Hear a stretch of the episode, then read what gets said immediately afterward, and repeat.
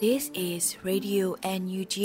the voice of National Unity Government of Myanmar, broadcasting for Myanmar's Spring Revolution. Radio NUG is transmitting from shortwave 16 meter 17.79 megahertz at 8:30 a.m. and 25 meter 11.94 megahertz at 8:30 p.m. Myanmar Standard Time. မင်္ဂလာပါရှင်။အမျိုးသားညီညွတ်ရေးအစိုးရရဲ့အတန်လွတ်ဌာန Radio NUG ကိုမန္တပိုင်း၈နိုင်ခွဲမှာလိုင်းတူ6မီတာ19.3ခွန်ကုန်းမဂါဟတ်စ်နဲ့ညပိုင်း၈နိုင်ခွဲမှာလိုင်းတူ25မီတာ17.3ကိုလီမဂါဟတ်စ်တို့မှာဓာတ်ရိုက်ဖမ်းယူနားဆင်နိုင်ပါပြီရှင်။မင်္ဂလာအပေါင်းနဲ့ပြည့်စုံကြပါစေ။အခုချိန်ကစပြီး Radio NUG စီစဉ်လေးကိုဓာတ်ရိုက်အတန်လွှင့်ပေးနေပါပြီ မြန်မာနိုင်ငံသူနိုင်ငံသားအပေါင်းတဘာဝပြီးစစ်အာဏာရှင်ဘေးတို့ကနေကင်းဝေးပြီးဘေးကင်းလုံခြုံကျန်းမာကြပါစေလို့ရေဒီယိုအယူဂျီအဖွဲ့သားများကဆုတောင်းမြတ်တာပို့သလိုက်ရပါတယ်ရှင်ပထမဆုံးအနေနဲ့ကာကွယ်ရေးဝန်ကြီးဌာနရဲ့စစ်ရေးသတင်းကျဉ်းချုပ်ကိုနေဦးအလင်းကမှတင်ပြပေးမှာဖြစ်ပါတယ်ရှင် ကာကွယ်ဝင်ကြီးဌာနအမျိုးသားညီညွတ်ရေးဆိုရမှာအောက်တိုဘာလ9ရက်နေ့2022ခုနှစ်ထုတ်ဝေတဲ့စစ်ရေးသတင်းချင်းချုပ်ကိုတင်ဆက်ပေးတော့မှာဖြစ်ပါတယ်။စစ်ကောင်စီနဲ့တိုက်ပွဲဖြစ်ပွားမှုသတင်းတွေကိုတင်ဆက်ပေးကြပါမယ်။ချင်းပြည်နယ်မှာ အောက်တိုဘာလ9ရက်နေ့မနက်7:30မိနစ်ချိန်ခန့်ကမင်းတပ်မြို့နယ်မင်းတပ်မြို့ခလာရ284တရင်3မိုင်ဂိတ်နီးရှိစစ်ကောင်စီတပ်ကို CDF မင်းတပ်မှအနီးကပ်သွားရောက်တိုက်ခိုက်ခဲ့ပြီးစစ်ကောင်စီများထိခိုက်ဒေဆုံးမှုများနိုင်ကြောင်းသတင်းရရှိပါရခင်ဗျာစကိုင်းတိုင်းမှာအော်တိုဘာလ၄ရက်နေ့မနက်9:00နာရီခန့်ကမုံရွာမြို့နယ်ကျေးမုံရွာသို့စစ်ကြောင်းထိုးလာတဲ့စစ်ကောင်စီတပ်ဖွဲ့ကိုဒေသခံပြည်သူ့ကာကွယ်ရေးအဖွဲ့မှမိုင်းဆွဲတိုက်ခိုက်ခဲ့ရာ စစ်ကောင်စီတပ်ဖွဲ့များမှကျွရများကိုဝင်းရောက်စီးနင်းခဲ့ပြီးနေနှလုံးကိုမိရှုဖျက်ဆီးခဲ့ကမုံရွေးနယ်ကျေးမုံရွာမှဒေသခံတရားကိုဖမ်းဆီးထားခဲ့ကြောင်းသတင်းရရှိပါရခင်ဗျာဆက်လက်ပြီးစစ်ကောင်စီကကျူးလွန်တဲ့ရာဇဝတ်မှုတွေကိုတင်ဆက်ပေးကြပါမယ်ချင်းပြည်နယ်မှာအောက်တိုဘာလ9ရက်နေ့ကမင်းတပ်မြို့နယ်မင်းတပ်၄မိုင်နဲ့9မိုင်ကြား 6တူစာတင်ကြားအောက်ရှိပြည်သူနေအိမ်တလုံးကိုစစ်ကောင်စီတပ်သားများမှတကားများရိုက်ဖက်ပြီးပစ္စည်းများကိုခိုးယူသွားခဲ့ကြောင်းသတင်းရရှိပါရခင်ဗျာအောက်တိုဘာလ9ရက်နေ့ကမင်းတပ်မြို့နယ်မင်းတပ်မြို့ခလာရ284 3မိုင်ဂိတ်အနီးမှာထိတိတိုက်ပွဲဖြစ်ပွားခဲ့ပြီးနောက်ပြည်သူတို့ကိုစစ်ကောင်စီတပ်ပေါင်းထိုးကျိတ်ပြီးခလာရ284တဲသို့ဒူရွတ်တိုက်ဆွဲခေါ်သွားခဲ့ကြောင်းသတင်းရရှိပါရခင်ဗျာ အောက်တိုဘာလ9ရက်နေ့ကမင်းတပ်မြို့နယ်ပြည်ရွာဘက်သို့ထွက်သွားတဲ့စစ်ကောင်စီတပ်သားများမှပြည်သူ၃ဦးအားလူသားတိုင်းဖြစ်ဖမ်းဆီးခေါ်ဆောင်သွားခဲ့ပြီးပိန်းရွာဘက်သို့ဆက်လက်ထွက်ခွာသွားခဲ့ကြောင်းသတင်းရရှိပါရခင်ဗျာ။။စကိုင်းတိုင်းမှာအော်တိုဘာလ9ရက်နေ့မနက်7:30မိနစ်အချိန်ခန့်ကမုံရွာမြို့နယ်မုံရွေးကျေးမုံကျေးရွာမှာ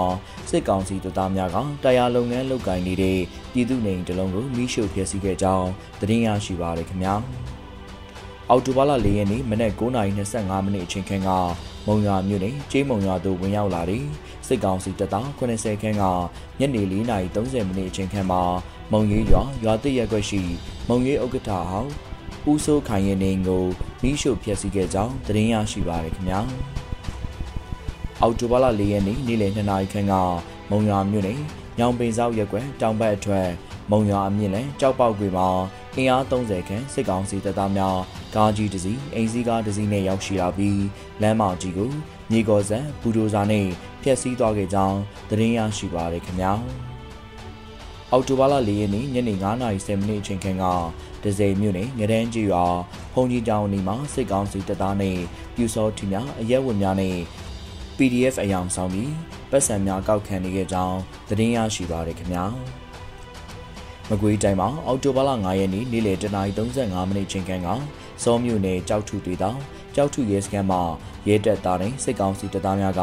ဂုံဘူလန်းဆောင်နီးသို့ရောက်ရှိလာခဲ့ပြီးတနက်များဇက်တိုက်ပစ်ဖောက်ခဲ့ကအနီးနားရှိပြည်သူနေအိမ်များအားထိမှန်ခဲ့ပြီးဒေသခံပြည်သူတို့တနက်ထိမှန်တရားရရှိခဲ့ကြောင်းသတင်းရရှိပါရခင်ဗျာ။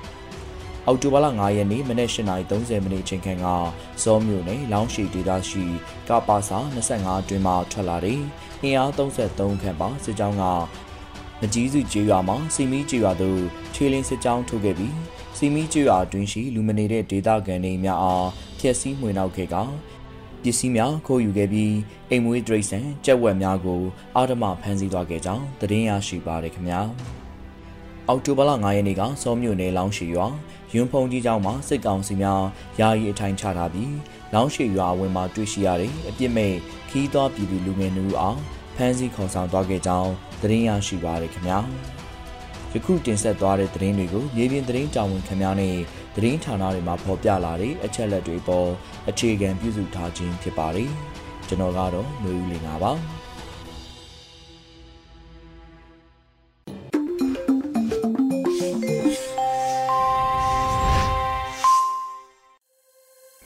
ဆက်လက်ပြီး Radio UNG ရဲ့နောက်ဆုံးရသတင်းများကိုຫນွေဦးမောင်မှဖက်ကြားတင်ပြပေးပါမယ်ရှင်။မင်္ဂလာပါခင်ဗျာ။ယခုချိန်ကစပြီး Radio UNG မနက်ခင်းသတင်းများကိုဖတ်ကြားတင်ပြပေးပါရမယ်။ယခုတင်ပြပေးမယ့်သတင်းတွေကတော့ Radio UNG သတင်းတာဝန်ခံတွေနဲ့ခိုင်လုံသောမိဖက်သတင်းရင်းမြစ်တွေမှအခြေခံထားတာဖြစ်ပါတယ်။ကျွန်တော်ကတော့ຫນွေဦးမှာပါခင်ဗျာ။မနက်ပိုင်းပြည်တွင်းသတင်းများကိုတင်ဆက်ပေးပါရမယ်။ စကိုင်းတိုင်းမှာနန်စီရီယန်ဝန်ထမ်းများနဲ့ပတ်သက်၍ကြေညာချက်ထုတ်ပြန်ထားမှုအပေါ်အလင်းဝင်လာသူများစွာရှိလာတယ်လို့ပြည်ထောင်ရေးဝန်ကြီးကအသိပေးခဲ့တဲ့သတင်းကိုတင်ဆက်ပေးပါမယ်။စကိုင်းတိုင်းမှာနန်စီရီယန်ဝန်ထမ်းများနဲ့ပတ်သက်၍ကြေညာချက်ထုတ်ပြန်ထားမှုအပေါ်အလင်းဝင်လာသူများစွာရှိလာတယ်လို့ပြည်ထောင်ရေးဝန်ကြီးဦးလွင်ကိုလက်ကဆိုပါတယ်။အော်တိုဘာလ9ရက်နေ့မှာပြည်ထောင်ရေးနဲ့လူဝင်မှုကြီးကြပ်ရေးဝန်ကြီးဌာနနဲ့စကိုင်းတိုင်းမကွေးတိုင်းရှိမြို့နယ်ပြည်သူ့အုပ်ချုပ်ရေးအဖွဲ့ ပြည်သူ့လုံခြုံရေးအဖွဲ့များနဲ့တွိတ်ဆုံဆွေးနွေးမှုအစည်းအဝေးမှာပြည်ထောင်ရေးဝန်ကြီးကပြောပါတယ်။အုပ်ချုပ်ရေးလုပ်ငန်းများသည်အင်မတန်မှကြီးလေးသောတာဝန်ဖြစ်၍မြို့နယ်များအနေဖြင့်စနစ်တကျဆောင်ရွက်သွားရန်လိုအပ်ပါကြောင်းစကိုင်းတိုင်း၌နန်စီဒီယန်ဝန်ထမ်းများနဲ့ပတ်သက်၍ကြေညာချက်ထုတ်ပြန်ထားမှုအပေါ်အလင်းဝင်လာသူများစွာရှိသည်ကိုသိရပါကြောင်းပြည်သူ့အုပ်ချုပ်ရေးနဲ့ပြည်သူ့လုံခြုံရေးအဖွဲ့များအနေဖြင့်ပြည်သူ့ဝန်ဆောင်မှုကဏ္ဍများကိုလည်းလစ်ဟင်းမှုမရှိစေရန်ဝိုင်းဝန်းကြက်မှတ်ဆောင်ရွက်ကြရမှာဖြစ်ပါတယ်လို့ဆိုပါတယ်။ ဆက်လက်ပြီးပြည်သူ့အုပ်ချုပ်ရေးဦးစီးဌာနမှရှေ့လုပ်ငန်းစဉ်များနဲ့မူဝါဒပိုင်းဆိုင်ရာကိစ္စရပ်များကိုဆွေးနွေးပြောကြားခဲ့ပြီးတက်ရောက်လာသောပအဖပါလာဖအဖွဲ့ဝင်များကမြေပြင်အုပ်ချုပ်ရေးဆောင်ရွက်နေမှုများအုပ်ချုပ်ရေးလုပ်ငန်းများနဲ့ပတ်သက်၍ကြုံတွေ့နေရသည့်အခက်အခဲများနဲ့လိုအပ်ချက်များထိန်းချုပ်ရေးနယ်မြေများအတွင်ကျေးရွာအုပ်ချုပ်ရေးရန်များများကိုခိုင်ခိုင်မာမာလဲပတ်နေသည့်အခြေအနေများစသည်တို့ကိုရှင်းလင်းတင်ပြခဲ့ပါတယ်။ အစည်းအဝေးသို့ပြည်ထောင်စုဝန်ကြီးဦးလွင်ကိုလန်နဲ့ဒုတိယပြည်ထောင်စုဝန်ကြီးတို့ဦးဆောင်ကတွဲဖက်အတွင်းဝင်တဲ့ပြည်သူ့အုပ်ချုပ်ရေးဦးစီးဌာနပြည်သူ့ရဲတပ်ဖွဲ့မိသက်ဦးစီးဌာနလူဝင်မှုကြီးကြပ်ရေးဦးစီးဌာနနဲ့အထူးစုံစမ်းစစ်ဆေးရေးဦးစီးဌာနမှတာဝန်ရှိသူများတက်ရောက်ခဲ့ပါတယ်ခင်ဗျာဆက်လက်ပြီးစက်ကောင်စီရဲ့ရန်ရာလုံးဝပြတ်သုံးနေပြီလို့ပြည်ထောင်စုဝန်ကြီးဒေါက်တာဇော်ဝေစိုးကပြောကြားခဲ့တဲ့သတင်းကိုတင်ဆက်ပေးပါမယ်။ အောက်တိုဘာ9ရက်နေ့ထုတ်သတင်းအရစစ်ကောင်စီရဲ့ရန်နေရာလုံးဝပြတ်သုံးနေပြီလို့ပြည်ထောင်စုဝန်ကြီးဒေါက်တာဇော်ဝေဆိုးကပြောကြားလိုက်ပါတယ်။အောက်တိုဘာ9ရက်နေ့လူမှုကွန်ရက်မှာပညာရေးဝန်ကြီးဒေါက်တာဇော်ဝေဆိုးကရေးသားဆိုပါတယ်။စကိုင်းနဲ့မကွေးကနန်းစီရီယန်တွေယာနဲ့ချီပြီးမြို့နယ်တိုင်းမှာပြည်သူနဲ့ပူးပေါင်းလာကြတယ်။ယာနဲ့ချီပြီးမြို့နယ်တိုင်းမှာခံဝန်နဲ့အလင်းဝင်လာကြတယ်။ပအဖနဲ့ဒေတာကန်စီရီယန်များကစီစစ်လက်ခံလျက်ရှိတယ်။ စစ်ဆေးလျက်ရှိတယ်စစ်ကောင်စီရဲ့ရန်နေရာလုံးဝပြတ်သုံးနေပြီလို့ဝန်ကြီးကဆိုပါတယ်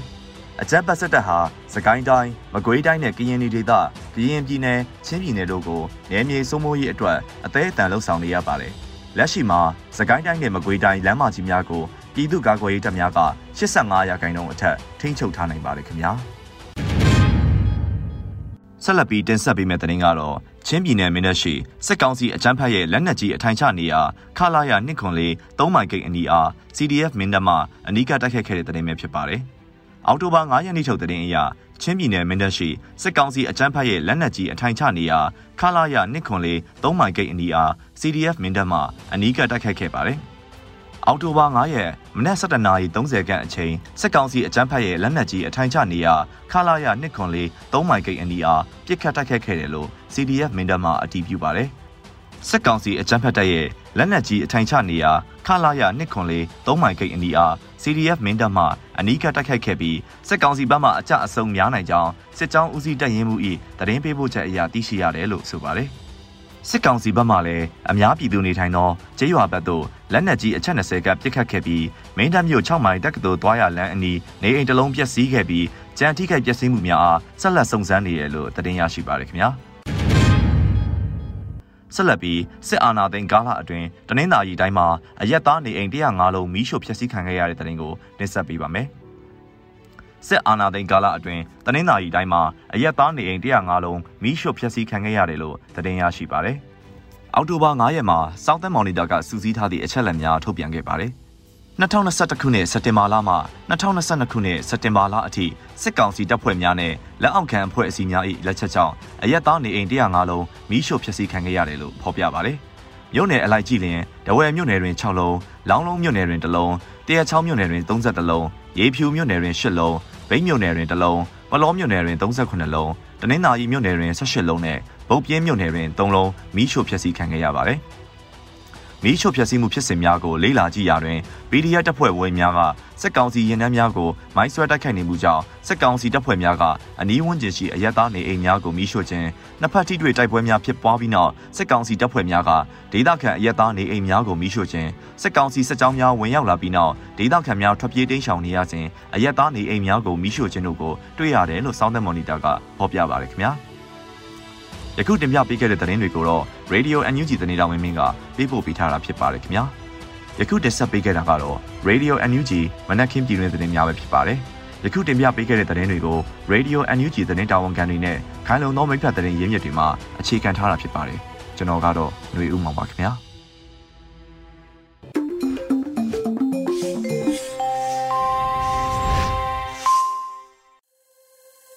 ရေဒီယိုအယူကြီးမှဆက်လက်အသံလွှင့်နေပါတယ်။အခုတစ်ပတ်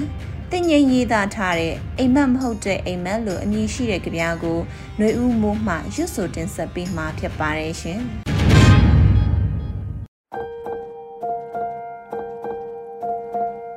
အိမ်မက်မဟုတ်တဲ့အိမ်မက်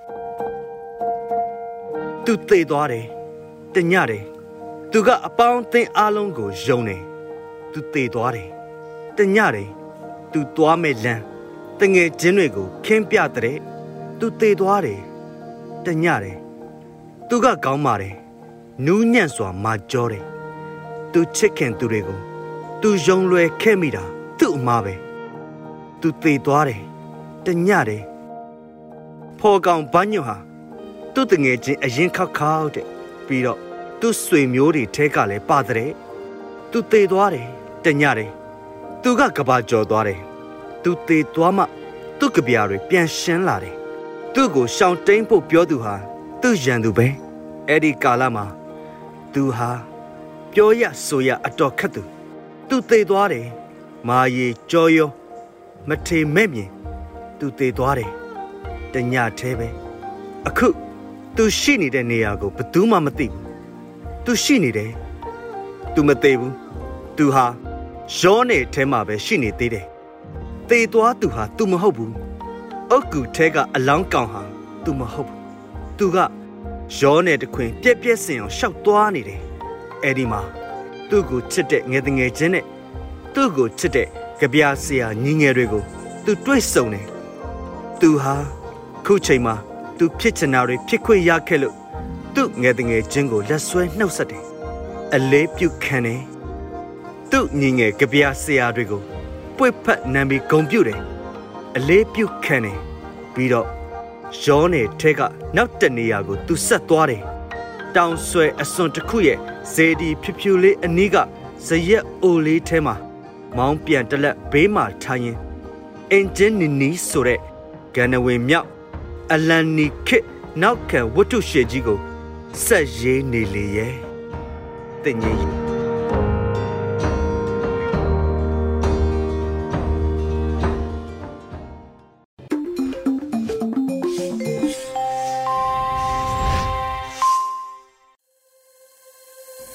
တခါပြည်သူခုခံတော်လှန်စစ်တရင်များကိုຫນွေဦးလိပ်ပြမှဖက်ကြားပေးထားပါတယ်ရှင်ပထမဦးစွာမြဝတီဝေါ်လီလမ်းမတိုက်ပွဲဖြစ်ပွားတဲ့တဲ့တင်တင်ဆက်ပါမယ်။ပကရင်ပြည်နယ်တက်မဟာ6နယ်မြေမြဝတီဝေါ်လေးကားလက်မကြီးအနီးလူခုတ်ဒေတာအခေါ်နေရာမှာစစ်ကောင်စီတပ်ပူးပေါင်းတပ်တွေနဲ့ KNL ပူးပေါင်းတပ်ဖွဲ့တို့နှစ်ဖက်တိုက်ပွဲဖြစ်ပွားခဲ့တယ်လို့ကော့ဘရာစစ်ကြောင်းကသတင်းထုတ်ပြန်ထားပါတယ်။ အောက်တိုဘာ၄ရက်နေ့လယ်2နာရီလောက်ကစတင်ပြီးစစ်ကောင်စီရဲ့တပ်မ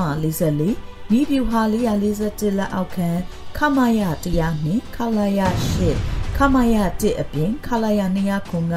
တက်ကူအနေနဲ့ပါဝင်လာပြီးနေပြည်တော်ဝင်ရောက်ဖို့ကြိုးစားလာတဲ့အတွက် KNL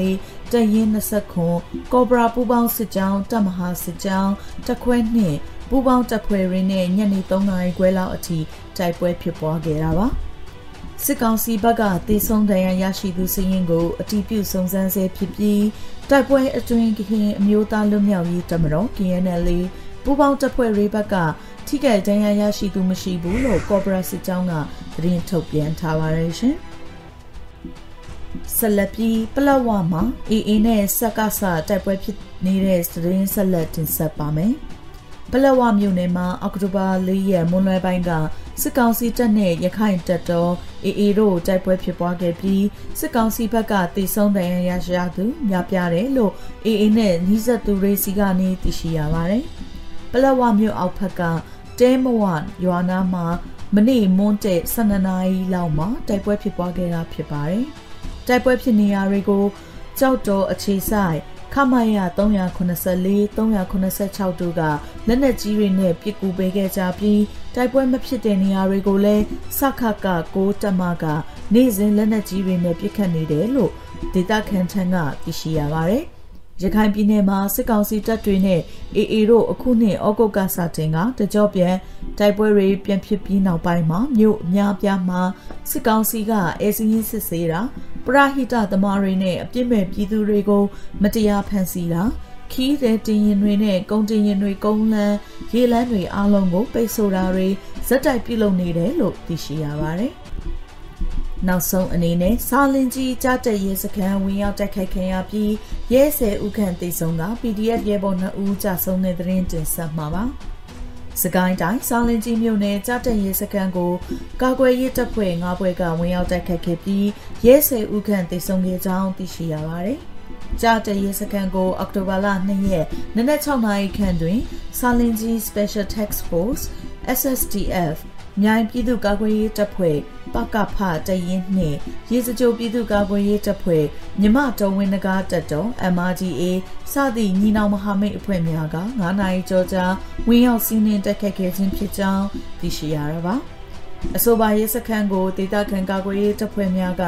စစ်ကြောင်းနှစ်ကြောင်းခွဲကဝင်ရောက်တိုက်ခိုက်ခဲ့ပြီးပထမစစ်ကြောင်းဤတိုက်ခိုက်မှုကြောင့်ရဲ9ဦးသေဆုံးခဲ့ပြီး G2 တနက်တလက်သိမ်းဆည်းမိခဲ့ကြောင်းဒုတိယစစ်ကြောင်း၏တိုက်ခိုက်မှုကြောင့်ရဲစခန်းနှင့်ရှိဘန်ကာ၃ခုကိုထိမှန်ခဲ့ပြီးရှေ့ထွက်ဘန်ကာများရှိဆက်အထိုင်နှစ်ခုမှတစ်ခုကိုထိမှန်ခဲ့ကပျက်စီးခဲ့ကြောင်းရင်းတိုက်ပွဲအတွင်းစခန်းတွင်မှရဲဆယ်ဦးခန့်တိတ်ဆုံးကအနည်းဆုံး18ဦးခန့်ထိခိုက်ဒဏ်ရာရရှိခဲ့ကြောင်း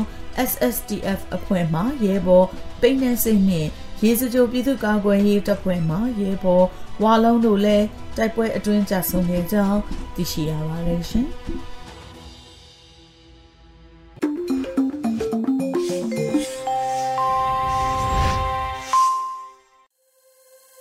ဆက်လက်ပြီးတော်လန်ရေးတိဂီတာအစီအစဉ်အနေနဲ့ Liam and Pansy တို့ရဲ့ ဂျိုးဖြူငှက်တို့ငိုကြွေးတန်လို့အမည်ရှိတဲ့သချင်းကိုခန်းစားနားဆင်ကြရမှာဖြစ်ပါတယ်ရှင်။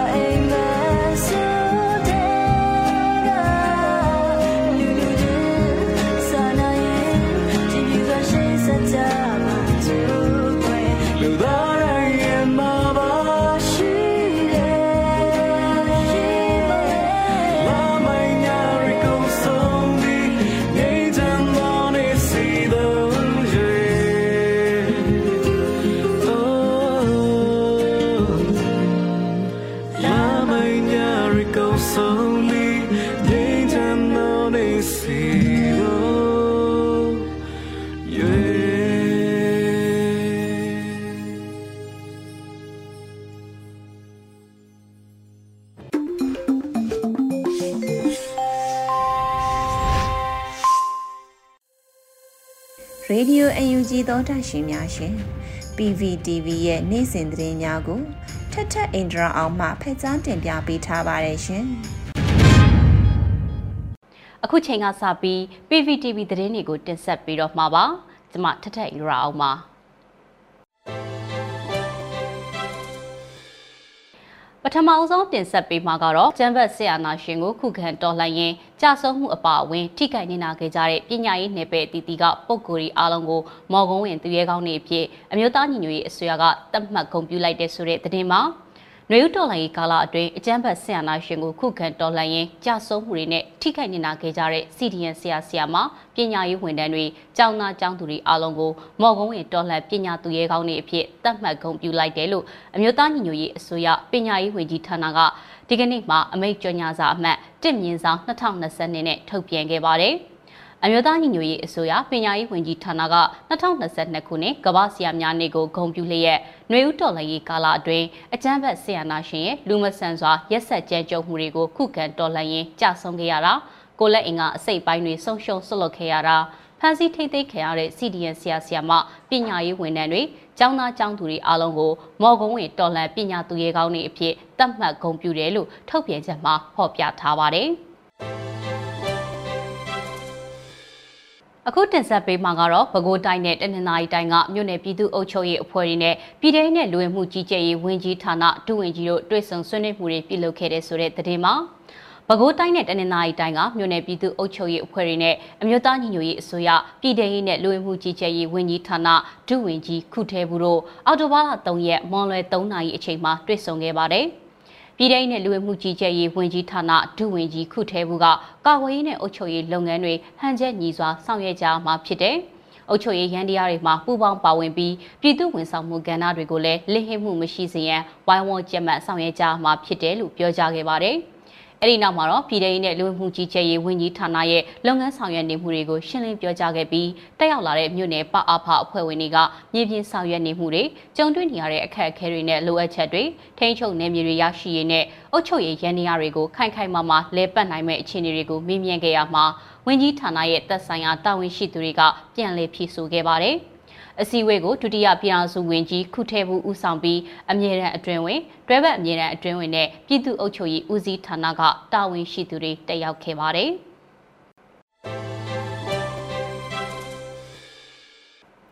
အခုတခါတင်ဆက်ပေးမှာကတော့ဝွန်းတုံမြို့နယ်မှာနမ်စီဒီယန်တွေကိုစီဒီယန်လုပ်ဖို့နောက်ဆုံးအကြိမ်တတိပေးချက်ထုတ်ပြီးတဲ့နောက်စီဒီယန်လုပ်သူ156ဦးထိရှိလာတဲ့ဆိုတဲ့သတင်းကိုတင်ဆက်ပေးပါမယ်။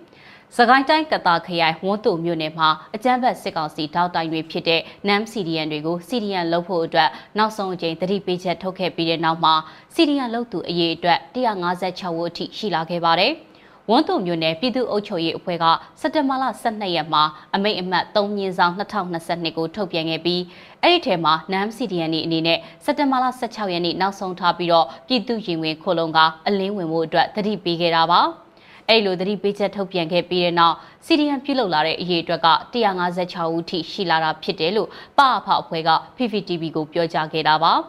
ဝန်းတုံမြို့နယ်မှာ2020စက်တင်ဘာလ12ရက်နေ့အမိန့်ထုတ်ပြန်ပြီးတဲ့နောက်ဌာနပေါင်းစုံကအလင်းဝင်လာတဲ့ဥယေ156ဦးရှိပါပြီလို့ဝန်းတုံမြို့နယ်ပြည်သူ့အုပ်ချုပ်ရေးအဖွဲ့ဝင်တအူးက PPTV ကိုပြောပါတယ်။ CDN လောက်လာသူတွေကပညာရေးက140ဦးကျန်းမာရေးက9ဦးထွေအုပ်က3ဦးမိရထားက3ဦးတစ်တောက1ဦးမိသက်က2ဦးစက်ရင်စစ်က1ဦးနဲ့ပြန်ဆက်က1ဦးတို့ဖြစ်ပါတယ်